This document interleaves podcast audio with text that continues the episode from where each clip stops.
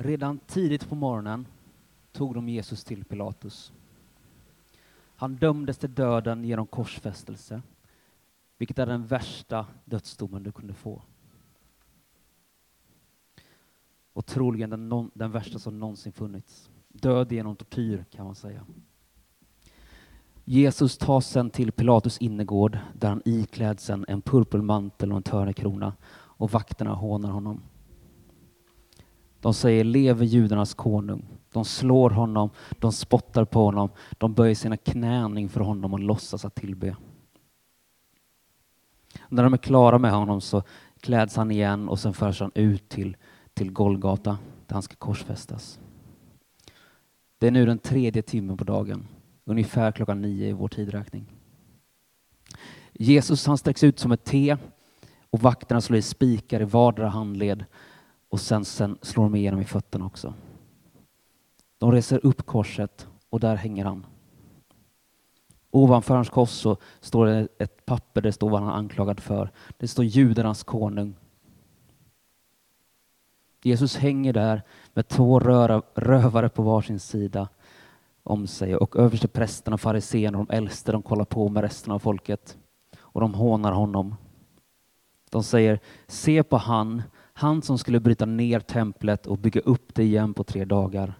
Hjälp dig själv och stig ner från korset.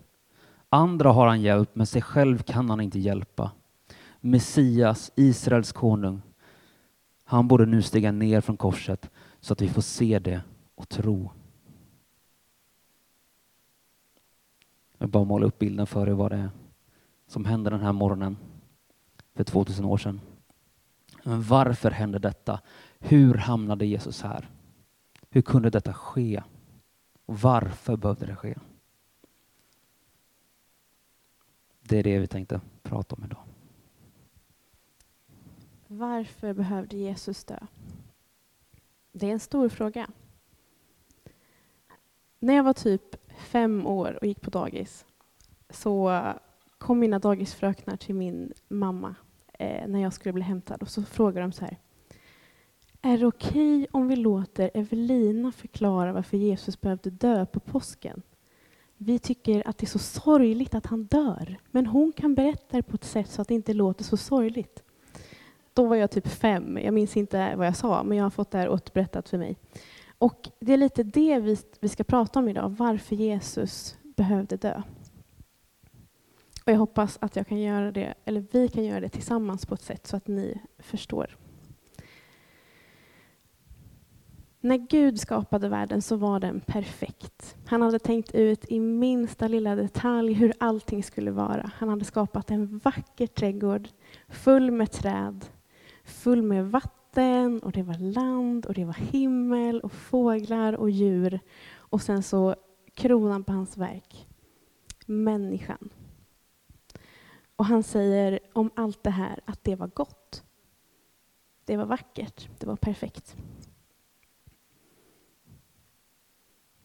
Och under en kort tid så levde Gud och djuren och människan och skapelsen tillsammans. Och tillsammans med Gud. Men sen så händer det någonting som gör att den här världen inte blir som perfekt så som Gud hade tänkt. Synden kommer in i världen genom syndafallet. Och när människan har syndat så inser de, vi är nakna. De blir fyllda med skam. De knyter på sig ett litet höftstycke av fikonblad och så försöker de gömma sig för Gud och så säger de, vi är nakna. Men de kunde inte täcka över sin skam med fikonbladen. För endast Gud kunde täcka över skammen. Så här står det i Första Mosebok. Och Herren Gud gjorde kläder av skinn åt Adam och hans hustru och klädde dem. Gud försåg Adam och Eva med de första kläderna som var av skinn, så han måste ju ha dödat ett djur. Och Det här innebär att Gud var den första som gjorde ett offer. Det var Gud som dödade det första djuret och det offret kunde täcka över människans skam. Det var inte själva kläderna som de tog på sig som gjorde att nakenheten blev övertäckt, utan det var offret som gjorde att deras skam försvann och efter syndafallet så blev ju världen inte så perfekt som Gud hade tänkt. Och det tror jag vi alla kan skriva under på, att den här världen inte är perfekt. Men redan då så hade Gud en plan för hur vi skulle komma tillbaka till den perfekta världen där vi människor får leva i gemenskap med Gud. Så människan levde nu i en tuffare värld där hon var tvingad att bruka jorden och ha boskapsdjur för att kunna överleva. Två män som beskrivs eh, gör det här är Kain och Abel, de där två grabbarna. Eh, och de verkar fattat grejen där med att det är viktigt att offra till Gud. Och Abel, han var herde, så han bar fram de fetaste delarna av det förstfödda djuret som han hade. Slaktade det offret till Gud. Medan Kain, han var bonde, eller som, som brukade åka i alla fall. Så att han tog av sina skördar och gav till Gud. Men Abels offer gillade Gud bättre. Och det, det handlar inte om att Gud inte gillar grödor, utan det handlar snarare om att attityden hos Abel, att jag ger av det finaste jag har, jag ger av det bästa jag har till dig Gud. Så kontrasten här finns liksom inte i att den ena offrar kött och att den andra offrar grönsaker, utan att det handlar om vad man har för hjärta bakom, vad man har för karaktär. Och vi kan också se att de här bröderna har väldigt olika karaktär, för när Gud har sagt att han tycker om Abels offer, så lurar ju Kain ut sin bror på en åker och dödar honom, för att han är så arg och så avundsjuk. Och det här är typiskt för människan. Vi, vi dras hela tiden till att förstöra för oss själva och att förstöra för andra. Och det är det som leder till synd och ondska i den här världen. Men om Gud då vill ha en perfekt värld utan ondska och synd, kan han inte bara ta bort synden, det onda? Jo, men Gud kan göra det men han kan göra det, han vill göra det utan att utplåna människan samtidigt. För han vill vara med oss. Och hur ska han göra det?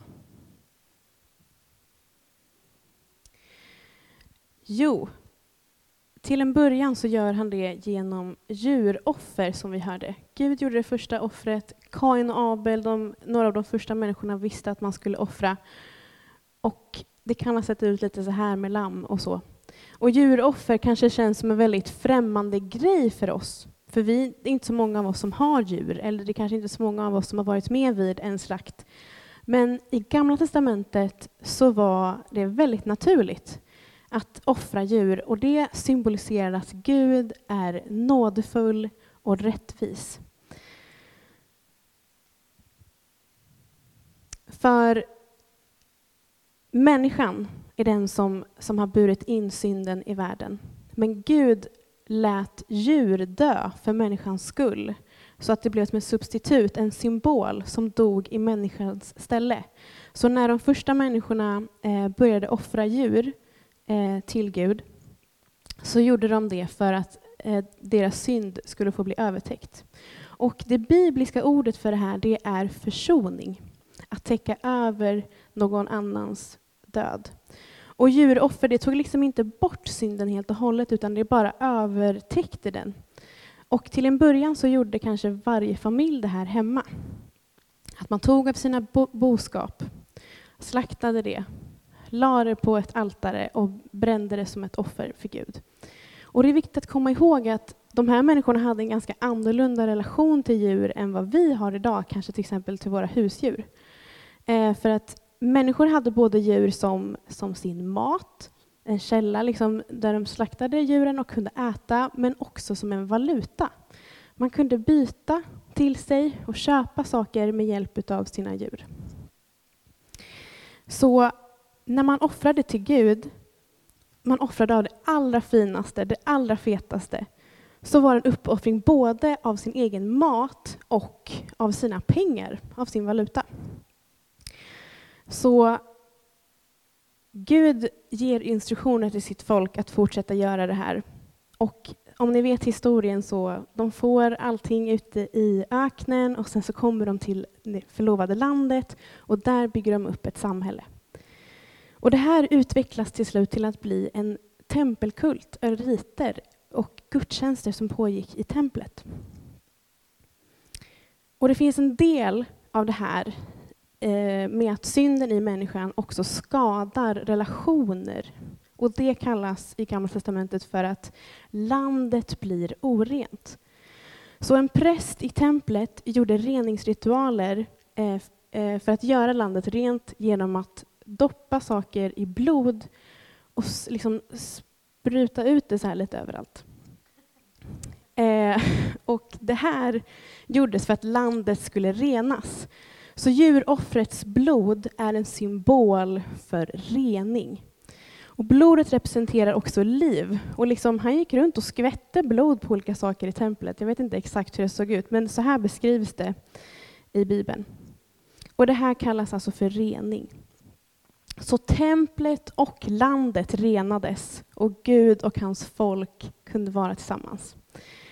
Och det här låter ju som en ganska bra grej, eller hur? Och det var en ganska bra grej i praktiken. Men problemet var bara att Israel var så dåliga på att följa det här. I Bibeln så finns det fler kungar som inte följer Gud än vad det finns kungar som följer Gud. Och allt som oftast när de följde Gud så tillät de massa saker i samhället som Gud inte gillade ändå. Massa avgudar, att de inte tog hand om sina sjuka eller fattiga, att det var väldigt orättvist. Så Gud hade ju från början en plan att det inte skulle vara så här hela tiden. Och parallellt med den här berättelsen om offer och Guds instruktioner kring offer så kommer också löftet om frälsaren. Det är redan i, i första Mosebok 3, direkt efter syndafallet, så säger Gud till ormen då, jag ska sätta fiendskap mellan dig och kvinnan och mellan din avkomma och hennes avkomma. Han ska krossa ditt huvud och du ska hugga honom i hälen. Redan här har vi löftet att det ska komma en som ska krossa Satans huvud, krossa huvudet på synden. Och profeten Jesaja såg fram emot en dag när en kung från Davids ett ska komma och hantera världens ondska på ett, på ett överraskande sätt. Det står så här. På hans axlar vilar herradömet och hans namn är under, rådgivare, mäktig Gud, evig far, frids förste. Så ska herradömet bli stort och friden utan slut över Davids tron och hans rike.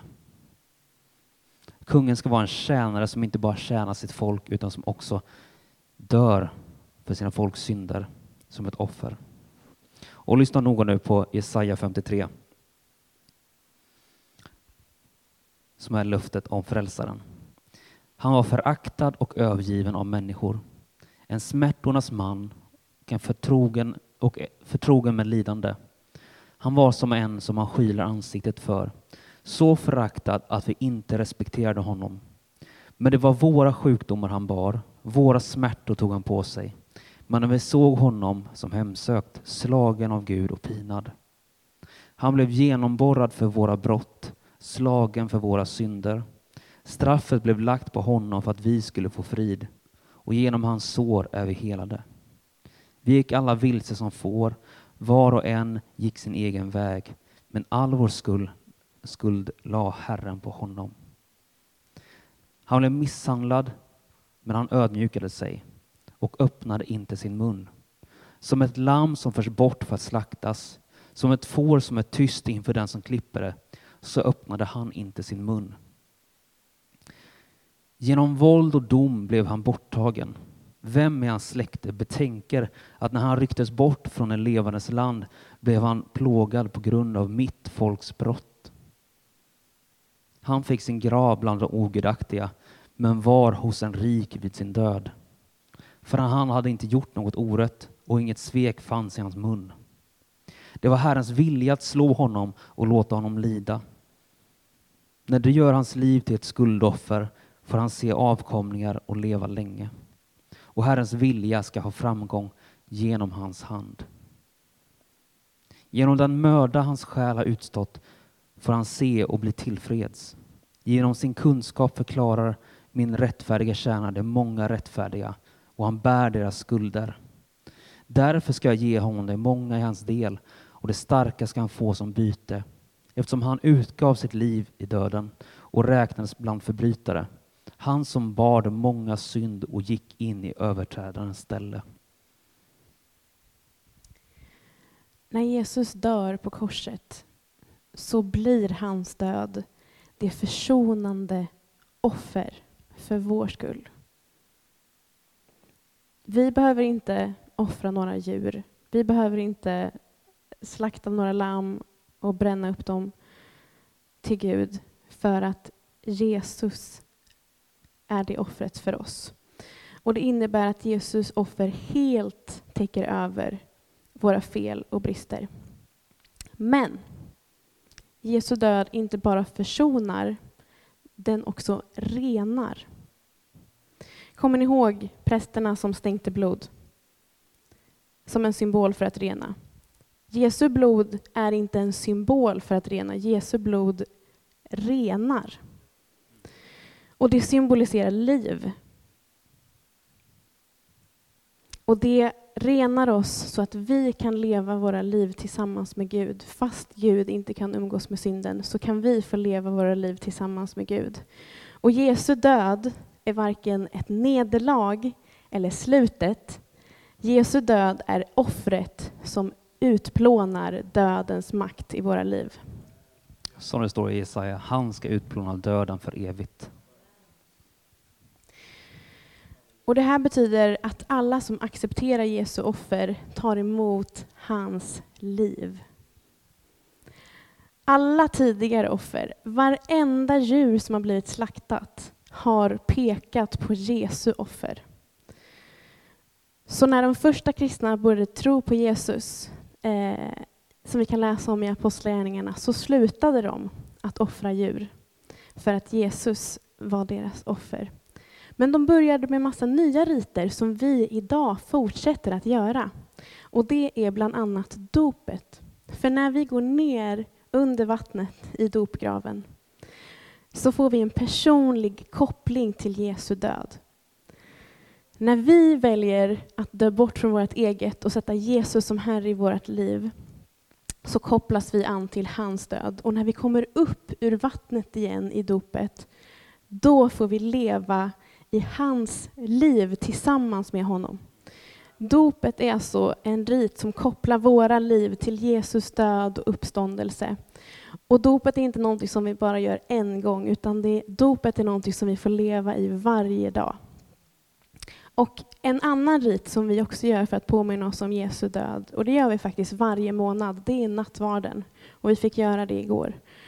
Och nattvarden påminner oss om att vi både har gemenskap med Jesus och att vi tillsammans är Kristi kropp och vi tillsammans får ha gemenskap med Jesus. Och de här riterna gör vi regelbundet för att påminna oss om konsekvenserna som Jesu död har i våra liv. Vi tar oss tillbaka till Golgata. Det har nu gått tre timmar sedan Jesus blev korsfäst och ett mörker kom över hela landet. Efter ytterligare tre timmar så ropar Jesus med hög röst Elohi, Elohi, lema sabachthani, vilket betyder min Gud, min Gud, varför har du övergivit mig? Han citerar här psalm 22, en av mina favoritsalmer. Och det liksom visar hur oerhört övergiven Jesus kände sig när han bar hela mänsklighetens synd. Han säger sedan, Far, i dina händer överlämnar jag min ande. Och när han har sagt det här så ger han upp sin ande. Och när han gör det så brister förlåten i templet. Det tjocka tygstycket som skilde det heliga rummet från det allra heligaste där Guds närvaro var, den brister rakt i tu. Och Jesus öppnar då vägen för alla människor att komma in i det allra heligaste, till gemenskap med Gud. Och officeraren som har befälet på platsen vid Golgata, han är chockad och säger den här mannen, han är verkligen Guds son. Och varför gör han det?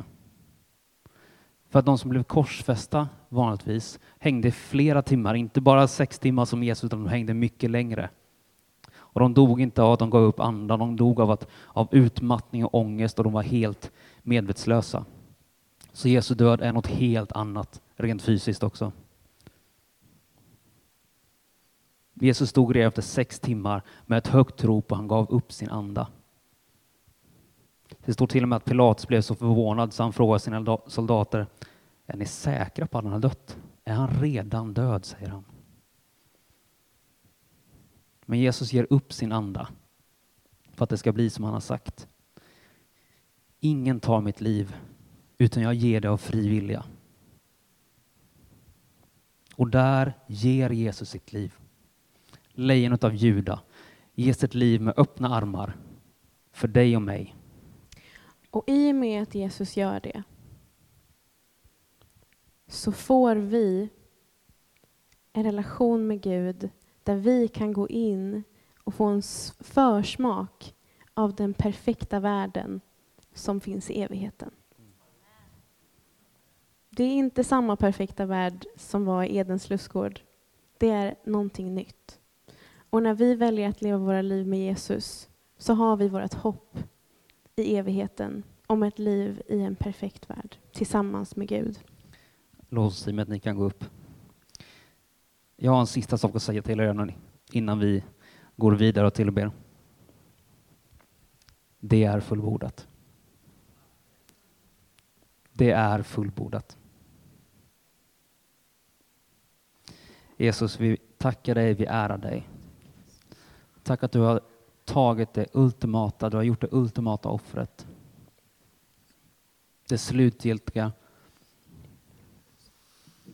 Det finns ingenting som behöver kompletteras, allt är färdigt. Tack för ditt verk på korset. Tack att vi idag får minnas det. Vi älskar, vi ärar dig. Tack att din död både försonar och renar oss. Tack för att vi har fått försoning mellan oss och Gud. Herre, vi tackar dig för det som du gjorde. Tack för att du tog all våran synd, all våran skam, all våran skit på dig på Golgata. Det måste varit helt fruktansvärt. Vi tackar dig Jesus för det som du har gjort. Tack för frälsningen som din död har gett oss. Tack för det liv som vi får leva tillsammans med dig Jesus. Herre, hjälp oss att förstå ännu mer vad det är du har gjort i våra liv. Tack för att du tar våran skit på dig om och om och om igen. Hjälp oss att leva ett liv som speglar ditt liv. Hjälp oss att bli mer lika dig Jesus varje dag. Herre, jag ber att du ska måla en bild av vem du är i våra hjärtan. Låt oss minnas dig den här långfredagen. Herre, jag tackar dig för det verk som du gör i oss i ena kyrkan i Enköping. Tack för det som du har gjort för alla människor på den här jorden. Tack för att du dog för alla människor på den här jorden. Gud, jag ber också att du ska påminna oss om det hopp som vi har. Det hopp som vi har om ett liv tillsammans med dig i evigheten. Tack för att din död inte var ett nederlag. Tack för att din död var planerad från början. Herre, kom och gör allting nytt igen. För du har gjort allt.